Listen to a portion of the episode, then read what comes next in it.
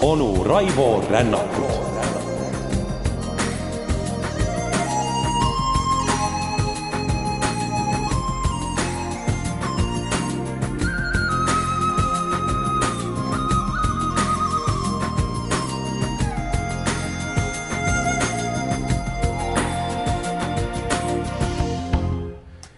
ja kaunist pühapäeva, head sõbrad! jätkame ikka endiselt rännakut koos eh, Briti välisluureteenistuse MI6-ga ning jõuame, olgu etteruttavalt öeldud, ka MI5 ehk siis meie kapo ekvivalendini, kuid et aega vähe ja materjali palju, siis asugem kohe asja kallale ning mingem sellesse momenti, kust me teineteisest nädal tagasi lahkusime kus oli käivitumas järjekordne operatsioon, mis seotud eh, Iraani luureülema Asghariga, kes oli erakordselt väärtuslik allikas ning kes teatas otsekui välk selgest taevast, et ta peab vahetama poolt sedapuhku nüüd ka füüsiliselt. ta teatas, et ta ei ole üldsegi kindel, et islami revolutsiooni valvurite sisejulgeolekuosakond eh, ei ole temale jälile jõudnud ning et Iraani režiimi paranoilises õhkkonnas on mõned tähelepanuavaldused suunatud ka talle. otsemaid käivitavad tolleaegse MI6 peadirektori Scarletti büroos seda muide jõulueelsel ajal, aastal kaks tuhat kuus välkkiired koosolekud ning otsustatakse, et Asghari väljatoimetamiseks läheb neil eelkõige vaja liitlase ehk eh, Iisraeli salaluure Mossadi ja kes teab, võib-olla ka teiste abi. me rääkisime kõikidest nendest telefonidest, mis olid Scarletti laual ning eh, ka sellest, et tal oli sidepaneelil nupp, mis ühendas ta otsemaid Mossadi direktori Meir Dagani kabinetiga Tel Avivis. ning otse loomulikult tuli nüüd seda nuppu kasutada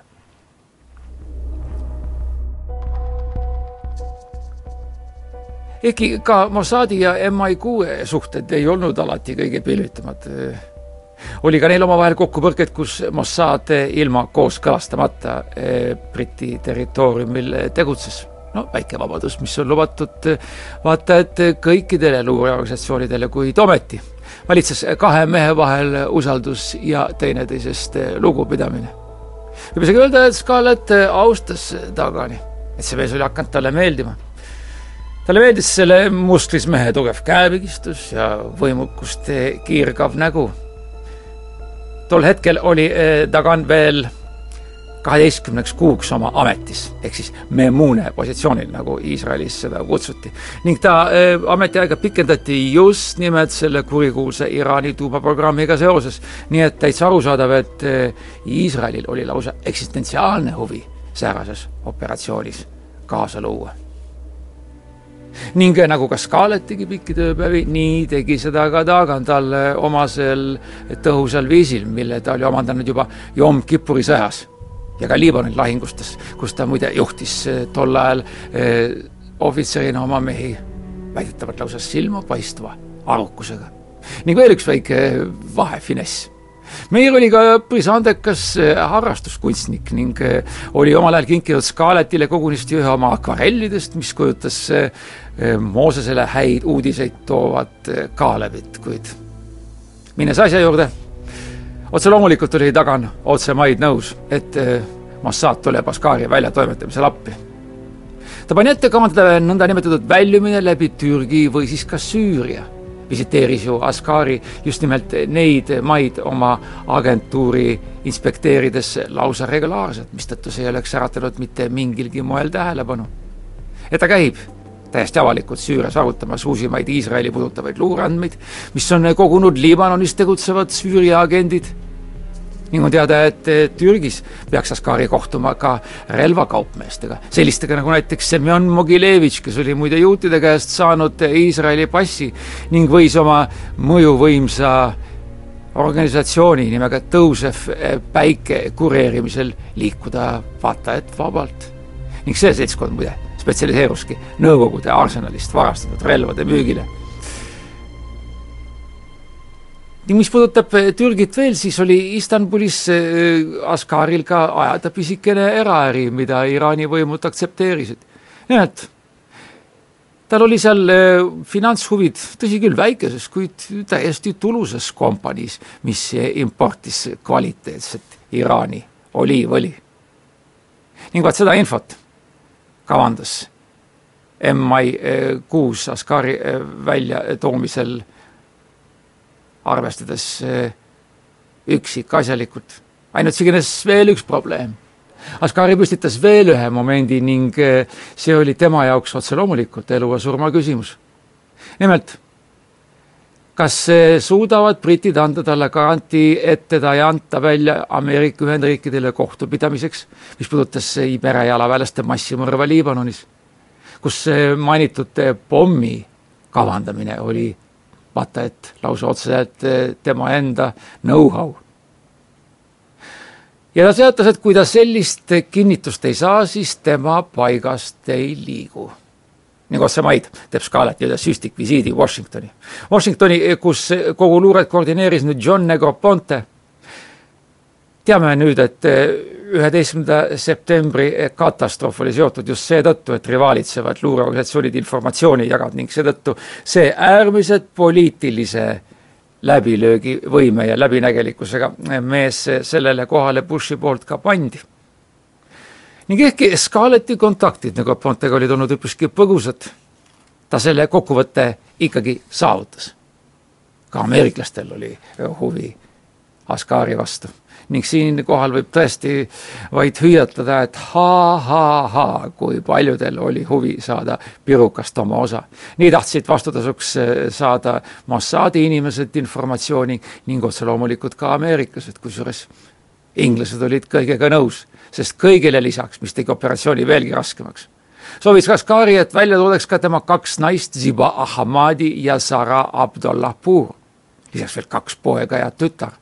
See tegi asja veelgi komplitseeritumaks ning süüt sedapuhku juba siis Iraani muusiku Abed Azri muusikatiivul ka jätkame.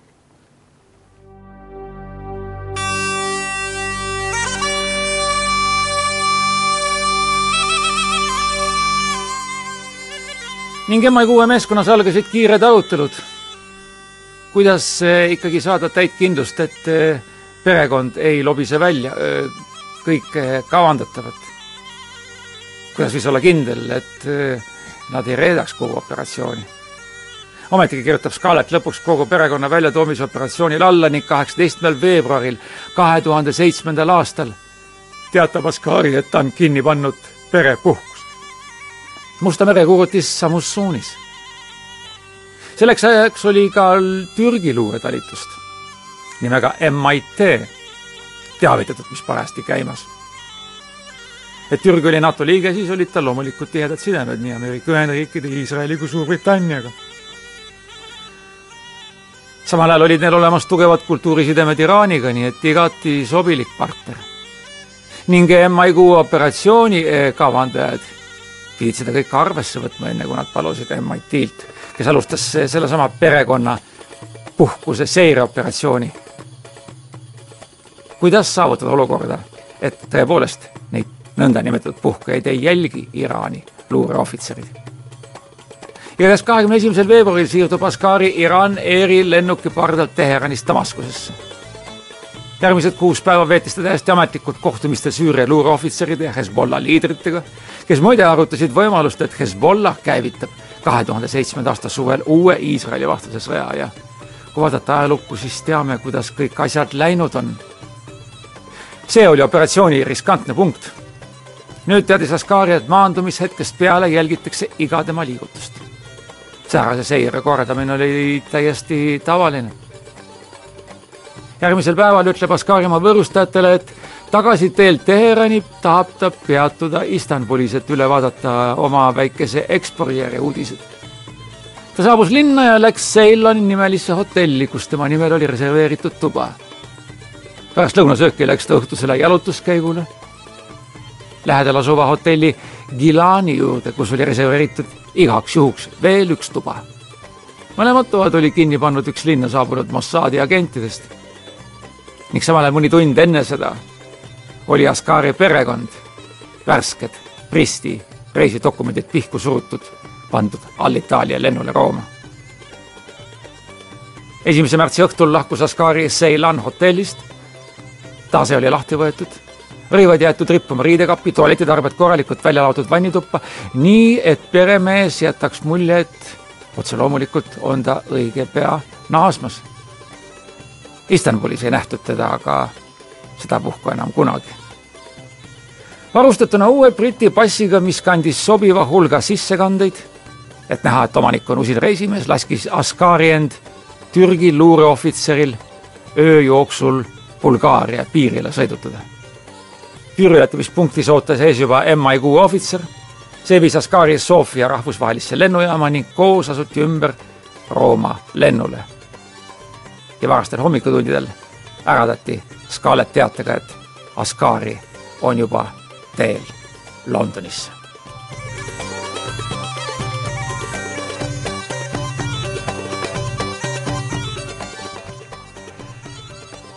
Eriosakonna ohvitser sõidutas nüüd Scalati MI6 peakorterisse. selleks ajaks ootas Ascari perekond juba Kurva korteris, mille nende Suurbritannias viibimise ajaks oli välja valinud üks MI6 nõndanimetatud eh, majapidajatest ning Teheranis läkitas Iraan välisministeeriumi Interpolile pakilise taotluse, et tuleb maksku see, mis maksab, üles leida teadmata kadunud kindral Askari. Teatati veel paaniliselt, et ta võib olla röövitud välisagentide poolt. sellega võib tõepoolest öelda, et agent nimega Pistrik oli minema lennanud ning Scarletti kontoris laua ümber kogunenud tumedates ülikondides meeste nägudel oli kõigil heasoovlik muie.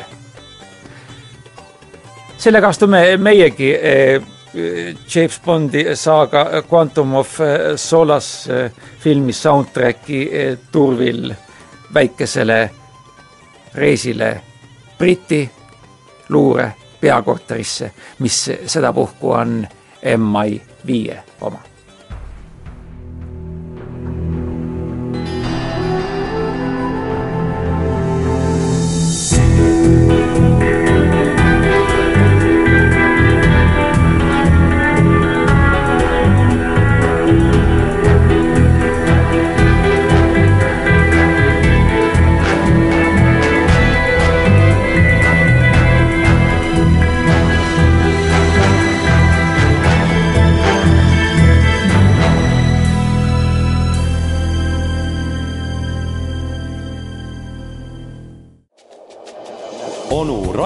Raivo Rännakut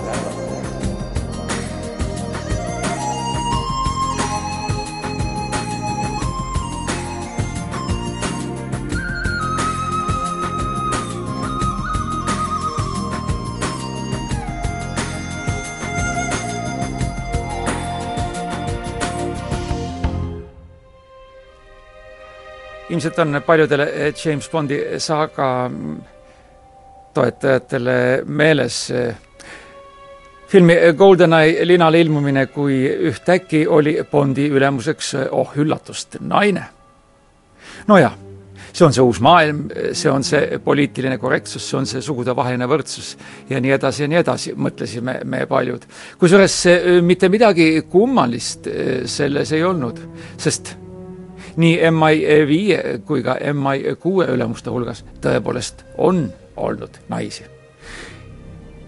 ning nõnda me jõuamegi kahe tuhande seitsmenda aasta aprillis ehk just sel samal hetkel, kui MI6 oli eh, läbi viinud pistriku eduka väljatoomise operatsiooni.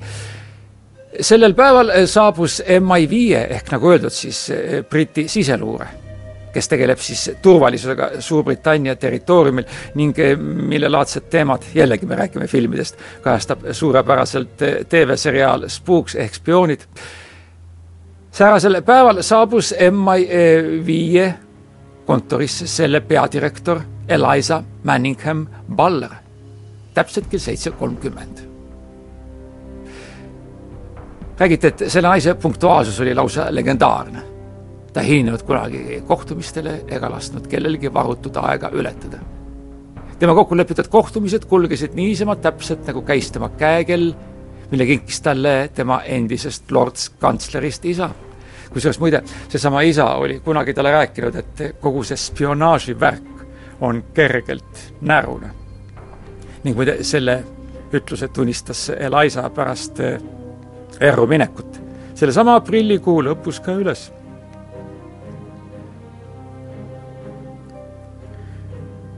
see oli kummaline naine. ühelt poolt eh, oli eh, teada üllatavaid seiku, et eh, pere piirest tunti teda nooruspõlves hard rocki fännina, kes pidas kalliks nii Rolling Stonesi kui White Stripes nimelise bändide plaate. samal ajal teati isegi kolleegide hulgas erakordselt vähe tema ametivälise elu kohta. peale selle, et ta oli abiellus kellegi Davidiga, kes oli muide oh üllatust Iiri katoliiklane ning endine teoloogia lektor, kellest oli saanud jällegi üllatuslik moment, edukas puussepp. Oli nende abielu öö, kaasa toonud koos mehega viis last. Endal Eliasal lapsi ei olnud, kui ta neljakümne kolme aastaselt abiellus. lisaks oli nendel farm Cotswoldsis. ja pärast pühapäeva lantsi tavatses ta nagu tavaline majaproua istuda maha, et ristsõnu ja sudoku mõistatusi lahendada. nii palju oli teada sellest, võib öelda, et raudsest leedist, kes oma kuuekümne esimesel eluaastal nägi välja pikk, energiline terashalli juuksepuhmaga, kellel oli läbitungiv pilk ja tugev hääl. tema mõistvat ranget kostüümi pehmendas väidetavalt ainult Laura Ashley kavandatud kaelarätt, mida ta tavatses kanda ka on teada, et üks tema arvustajatest oli öelnud, et sel naisel on kõrgkomme vahtida oma ninajuurt, kui keegi teda ärritab. Ning kui peapesu tehtud, ujub ta minema nagu täispurjes gareoon.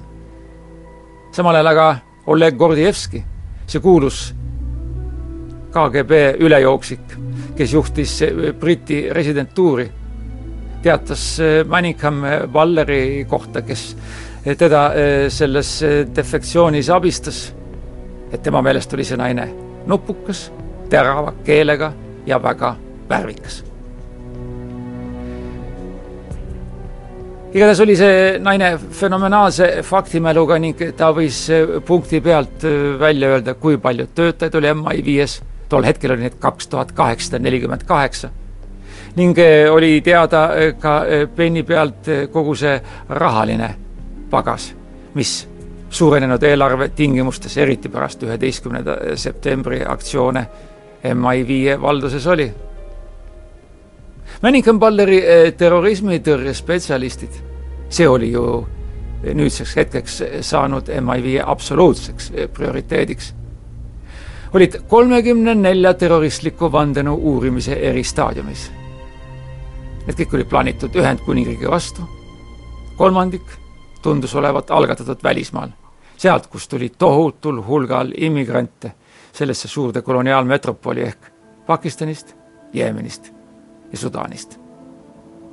ning kõikide nende vandenõude paljastamisel võis MI5 pöörduda abipalvega lausa saja seitsmeteistkümne luuretalituse poole kogu maailmas. Manningham äh, Valleril oli saja seitsmekümne viie tuhande naelsterlingi suurune aastapalk otsepääs peaministri ja oma poliitilise bossi, see on siis siseministri jutule.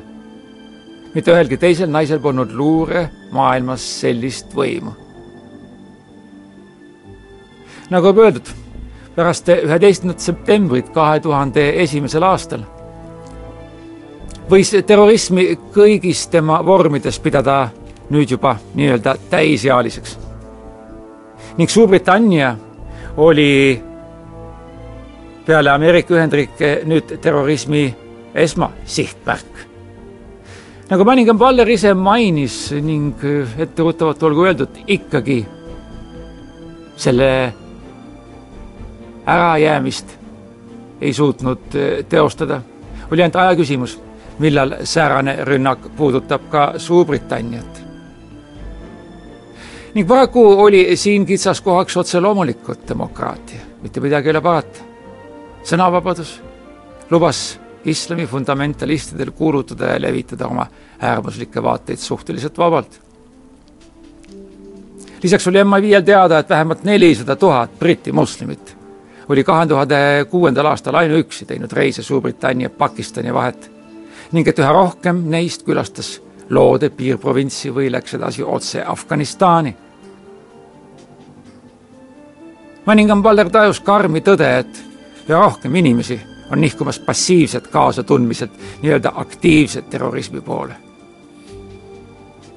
ta oli hoidnud Suurbritannia kuuekümne miljoni kodaniku kaitsmisest tingitud surve hoolikalt kontrolli all. Seda oli äärmiselt raske teha. tahtis ju Briti parlament debateerida ning kritiseerida kõikvõimalikke vussi keeratud operatsioone ning meedia võimendas seda veelgi. midagi väga tuttavat, kas pole? ongi siinkõneleja eh, korduvalt eh, hoiatanud eh, vastavaid inimesi, et meil on erakordne oskus visata prügikasti niigi vähest pädevust, kui vähegi midagi nii-öelda kõikuma lööb. Ning kui rääkida daami karjäärist, siis nende kõrgpunktide hulka kuulus kindlasti selle MI5 meeskonna juhtimine, kus ta veel ei olnud peadirektor kes uuris tuhande üheksasaja kaheksakümne kaheksandal aastal Panami lennu number sada kolm õhknemist Šoti linna Lockerbie kohal, mis väidetavalt oli Gaddafi heakskiidu ja mahituse all teoks tehtud ning mis tõi kaasa, nagu teada, kakssada seitsekümmend inimohvrit ja oli üks esimesi terrorismikuritöid. aasta hiljem oli see daam lähedatud Washingtoni MI5 sidepidajaks CIA ja FBI-ga esimese Pärsia lahe sõja ajal tuhande üheksasaja üheksakümnendal aastal. kuidas muide on teada, et kui ta esimest korda kõndis läbi CIA fuajee, hoidus ta astumast eh, marmorpõrandasse jäädvustatud agentuuri embleemile ehk kuueteistkümne nurksele tähele kilbil, mis kannab valgepea merikotka profiili ning mille üleosas kaardub kiri Central Intelligence Agency of all United States of America selle kõrvalastumisega väljendas ta austust asutuse vastu, mida ta varjamatult imetles. ka meeldis talle, et agentuuri peakohvik oli jagatud eri sektsioonideks, üks töötajatele, teine külastajatele. selleks, et ei saaks mitte ühtegi võimalikku ametnikku ära tunda. Ning tema enda seisundut see loomulikult võimaldas lõunata eraldi restoranis seitsmendal korrusel, kus sõid direktor ja tema kõrgemad alluvad kui rääkida tema karjäärist veel, siis on Londonisse naastes teada tema määramine julgeolekuameti Iiri terrorismi tõrjeosakonna direktoriks. see uus ametikoht oli loodud pärast seda, kui MI5 vahetas IRA ehk siis Iiri vabariikliku armee tegelemisel välja Scotland Yardi eriosakonna. ning ainsa vihje tema tolleaegse tubliduse kohta võib välja lugeda endise MI5 peajuristkonsulti David Bigfordi tõdemusest, kes ütles, mitme üksteisele järgnenud hiilgava operatsiooniga, mis tagasid prokuratuurile piisavalt süütõendid, laskis ta IRA tegutsevate üksuste soolikad välja.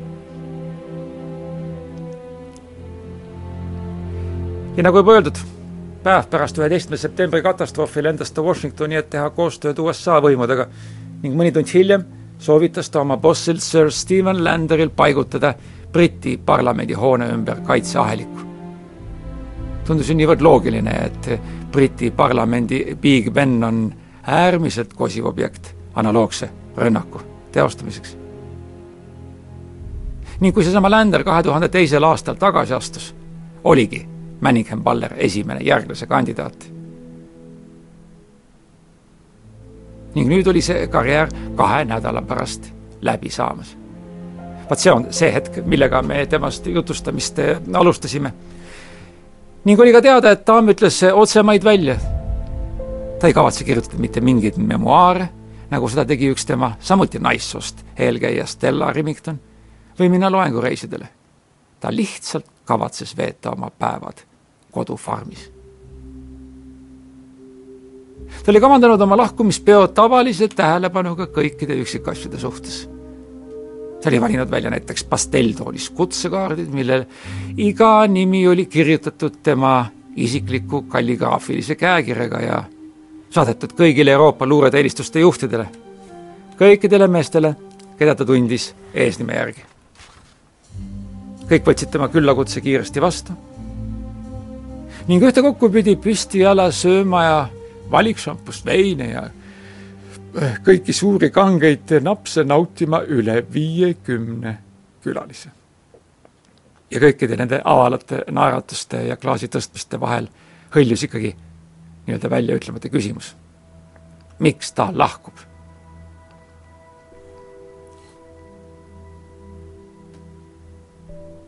Ehk oli eh, kõik see muutunud tema jaoks liiga rängaks koormaks. samal ajal oli üha elavamalt hakatud arutlema, kas mitte Whitehalli ehk siis Briti eh, valitsusbloki tippametnikud ja meedia ei sundinud teda ametist lahkuma. jälle midagi tuttavat kõikjal maailmas, kas pole? selleks ajaks olid Londoni pommiatentaadid eh, toimunud, mille saabumisest ta lausa rääkis ning nagu selgus prohvetlikult. pärast neid pommiatentaate olid pealkirjad stormiliselt süüdistanud just nimelt MI5-d.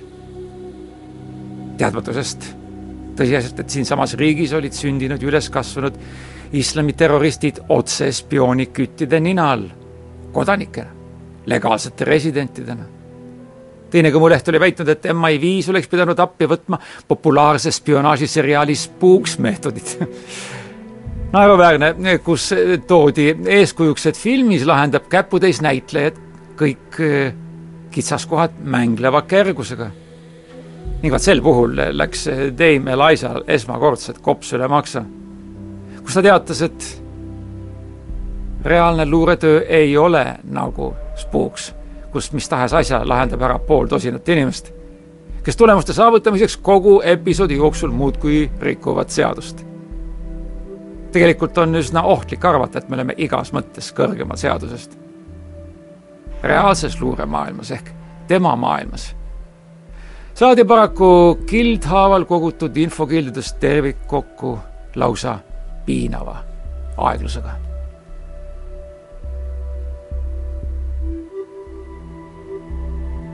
Need on need taagad, need on need episoodid, mis viisid selle hetkeni, kus tõsteti šampuseklaase. ning eh, mõne aja pärast jätkame me juba nii-öelda füüsilise sissevaatega MI5 peakorteri uksest.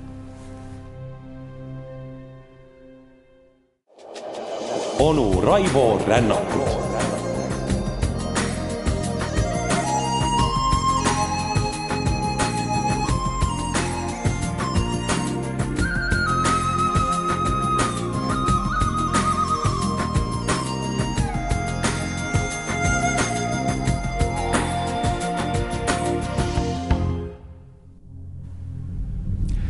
kui rääkida MI5 ja MI6 peakorteritest, siis tavaliselt oma esimesel ametisse määramisel Londonisse said võõrriikide spioonid sageli ülesandeks just nimelt teha kindlaks, kumb on kumb ja kus nad asuvad. mõned hooned aeti segi, sest nad asusid üpriski teineteise lähedal. teised arutasid, kas need pole mitte fassaadid ja tegelikult askeldasid luureteenistused hoopis mujal üks Birma luureohvitser muide andis oma Ranguni peakorterile teada, et MI5 töötab kesklinna turukvartalis Covent Gardenis asuvas Freemason Hallis. muide, tegelikult eh, BBC oligi kasutanud sellesama eh, hoone välisfassaadi oma juba mainitud seriaali Spooks võtetel. ema viie peakorter eh, Thames House asub muide Horseferry Roadi ja Millbanki nurgal ning sellest avaneb vaade Lambeth Bridge'ile hoone arhitektuur võlgneb palju Whitehalli kenotaafi kavandaja Edwin Lightensi impeeriumiaegsele nõndanimetatud uusklassitsistlikule stiilile.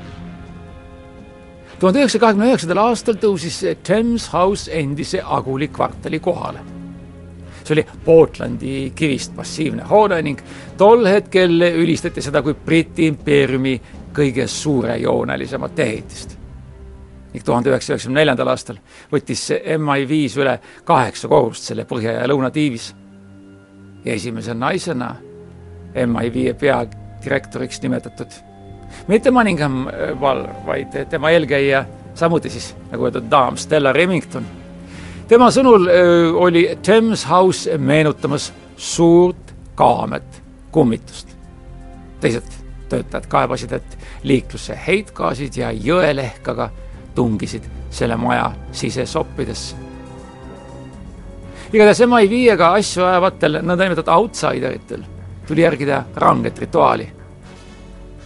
kui sinna siseneti, siis esiteks tuli ulatada oma pass eesfuajee valvuritele ja kõndida siis läbi turvatõkete, et tõusta liftiga vajalikele korrustele.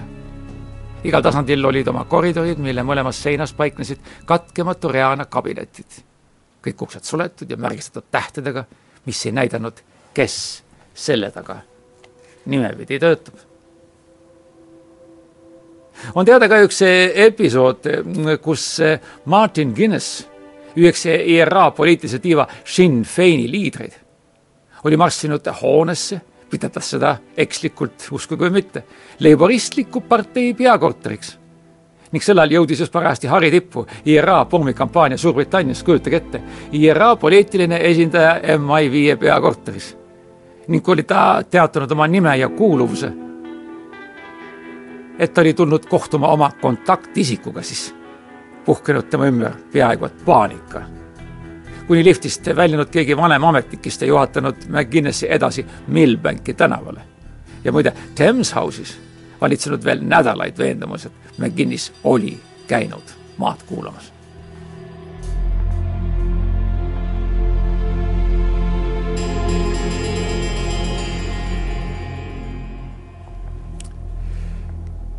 mis puudutab eh, maja struktuuri, siis eh, allpool keldri korrusel paiknes arhiiv, kus tehnika viimasele sõnale vastavad seadmed vinnasid toimikud kõigile kaheksale korrusele.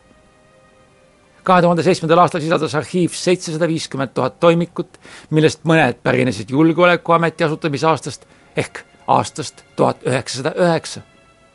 Neist nelikümmend viis tuhat toimikut olid seotud riigivalitsemise poliitikaga, viiskümmend tuhat aga käsitlesid teemasid A-st Y-ni. kaheksakümmend viis tuhat toimikut isikuid või inimrühmi, kellele oli antud nii-öelda kaitsealast nõu, kaasa arvatud kuninglik perekond, ministrite kabinet ja Canterbury peapiiskop. pooled toimikutest olid kantud mikrofilmile ja arvatud nõndanimetatud kitsendavasse kategooriasse, kuhu MI5 töötajad pääsesid ainult konkreetsel uurimise eesmärgil. isikutoimikud olid roosat värvi. Nende hulk ulatus kahekümne tuhande nimeni sinised toimikud aga sisaldasid luureandmeid kõigi Briti poliitiliste organisatsioonide ja kohalike islamirühmituste kohta. ja tippsalastatud nõndanimetatud Y-toimikud ehk lukustatavad karbid sisaldasid kõige salajasemat infot spioonide ja ülejooksikute kohta ning nende avamiseks oli vaja peadirektori allkirja. nõnda oli infotehnoloogia peale kulutatud miljonid naelsterlingid mõned lahendused olid kogunisti loodud spetsiaalselt MI5 tarvis. ühe süsteemi nimeks oli Promis. kavandanud oli selle Washingtonis paiknev erialane tarkvaratootja nimega Insflow ja süsteem pidi aitama MI5-l kirjeldatud korras kahtlusalustele jälile saada. väidetavalt võis see tarkvara leida miljoneid arhiivi tallendatud saladokumente ja kogu infotehnoloogiale vaatamata polnud MI5 ikkagi suutnud väärata Al-Qaedast tulevat ohtu, mis, nagu teada, lahvatas Londoni pommiatentaatidena kahe tuhande viienda aasta juulis. ning järgmisel päeval pärast neid rünnakuid pidaski Elisa Manningham-Baller oma töötajaskonnale Tem House'is kõne ning tema sõnad olid üpriski selged, mis ilmselt ennustasid ette ka tulevikus toimuvat ametist tagasiastumist. ta ütles, et ehkki me töötame välja uusi meetodeid, uusi allikaid ja uusi kontakte, jääb palju siiski ebamääraseks ja radikaliseerumine jätkub. ning kaks aastat hiljem leitaksegi, et selle üleskutsega end kokkuvõttes möönis ta, et tegelikult tähistasid Londoni pommirünnakud MI5 suurimat nurjumist oma tähtsas riigikaitse osas ning selle vastutuse Manningham Baller ka endale võttis. mis puudutab eh, terrorismi, siis terroritõrje osakonna direktor oli uurinud sel hommikul eh, viimast ettekannet MI5 töötajate rühmalt, kes olid korraldanud jälgimistegevust Suurbritannias Bradfordi linnas. ning see kõneles jälle kord islamiterrori kasvavast ohust. selle õhutajad olid kolinud riiki taas kord Kesk-Idast, Pakistanist ja Afganistanist. enamik pärines lugupeetud töökatest perekondadest, kelle esmaseks eh, prioriteediks oli see, et nende lapsed käiksid mošees ja saaksid koolis häid hindeid, kuid Afganistani veteranide saabumine radikaalsete jutlustaja saatel oli põhjustanud nendes kogukondades lausa dramaatilisi muudatusi. Osama bin Ladenist sai noorsooiidol ja üha suurenev hulk noori radikaliseerus. ja sajad noorukid namasid nendest riikidest koju usuga, et nad peavad andma oma panuse keevalise islami levitamisse Suurbritannias. ja mitte kuskile kõlanud see valjemini kui kahe Suurbritannias tegutsenud tunnustatud sõjaka islami liidri huulilt kelleks olid äh, Abu Hamza ja šeik Omar Bakri. Süürias sündinud vaimulik, kes kasutas äärmusliku organisatsiooni Al-Muhajirun ja saadeti tuhande üheksasaja kaheksakümne viiendal aastal oma vaadete pärast Saudi Araabiast välja. ja otse loomulikult, suur demokraatia kants Suurbritannia võttis ta kui poliitilise põgeniku vastu see Hamza hakkas tegutsema muide öö, otse tänavatel, kammides nekrutite värbamisel läbi lausa terveid linna moslemi kvartaleid ning võis õige pea hoobeldada, et ta oli kirja pannud üle seitsmesaja vabatahtliku, kes olid valmis liituma üleilmset kalifaati rajava Osama bin Ladeniga. Samuti hakkas Bakri avaldama nõndanimetatud fatvasid ehk usulisi seisukohavõtte, kus ta ähvardas surmaga kõiki, kes teevad koostööd luuretalitustega. MI5 jälgijad ehk nõndanimetatud vahtijad, nagu neid kutsuti, olid tuvastanud, et mehed, keda nad salaja jälgisid, olid enne Bradfordi kolimist olnudki korrapärased palvetajad just nendes samades kohtades ja mošeedes, kus kaks meest jutlustasid. Nende hulgas oli pakistanlasi, tuneeslasi, marokolasi, alžeerlasi ja kõiki neid liitis ühine lääne viha. üks nendest eh, vahtijatest keda Julgeolekuamet oli värvanud, oli saanud eh, oma ohvitserid käsu osta valik kõige radikaalsemaid brošüüre ja laserplaate, mida müügist leitakse. sellest, mille kiirkursustel soravalt araabia ja urdu keelt lugema õppinud ametnik avastas, piisas, et otse maid peadirektori kabinetti tormata. peaaegu kindlasti oli selle üle piiri toimetanud eh, üks nendest inglise päritolu džihaadi võitlejatest, kes korrapäraselt Bradfordi ja Pakistani Islamabadi vahet sõitsid. ning naasmisel võisid nad olla täiesti kindlad, et immigratsiooniametnikel, kes araabia keelt ei vallanud otse loomulikult, puudus keeleoskus brošüüride lugemiseks ning laserplaadid olid maskeeritud muusikasalvestisteks. nõnda kerkiski peadirektori ette pakiline dilemma. kas raamatukaupmees viimistlematult vahistada või ikkagi hakata teda jälgima, et selgitada välja ülejäänud vandenõu osalised kuid ootamine oli äärmiselt riskantne. nimelt eh, levisid juba andmed, et käivitamisel on gaasirünnak, mis on lausa hirmuäratavat hõlpus. Ehk oli eh, tulnud välja hoiatus pulbristatud tsüaniidi komponentide happega eh, segunemisel luua vesiniktsüaniidgaas, mis sarnaneb gaasiga ksüülon B, mida omal ajal natsid kasutasid juutide massimõrvamiseks. ning hinnaks võis olla kümnete võib-olla ka sadade süütute inimeste gaasisurm otseostukeskustes. Ja siis, kui otsustas direktor käivitada täiemahuline seireoperatsioon. mainitud eh, raamatukaupmees arvati jälgimisnimekirja, iga tema tulek ja minek kaardistati, iga tema kohtumine läks kirja, iga tema vestlus salvestati ja ometigi oli täiesti teadmata, kus võis aset leida uus rünnakute laine. Peeti täiesti võimalikuks, et terroristid üritavad USA kombel üürida mõnel Londoni lähikonna lennuväljal eralennuki ja rammidagi sellega Big Beni või parlamendihoonet. ning pärast seda, kui esimesed Londoni pommiatendaadid olid toimunud, olidki muide Briti kuninglike õhujõudude hävitajad nõndanimetatud viivitamatus stardivalmiduses, et jõuda ohtliku lennuki avastamise korral kuuekümne sekundiga Londoni kohale. ning teine on ennustatud oht oli enesetapupommitaja, kes rammib võimsa lõhkeainega täidetud veoautoga näiteks Suurbritannia suurimat tuumajaama Cambrias. ning veel oli üks pisimure, mille nimeks nõndanimetatud must pomm ehk dirty bomb mis võiks olla saadud mõne haigla kiirgusmeditsiini osakonnast varastatud radioaktiivsete varaste ja TNT nimelise lõhkeaine kokkumässimisest. see nõudis kõigi asjaomaste osakondade iganädalast kontrollimist. vaat kõike seda jälgis turva- ja julgeolekuosakond ning paraku, nagu öeldud, hoole ja paraku ka aeglusega mis lihtsalt ei võimaldanud neil kõikide nende terroristlike organisatsioonidega sammu pidada.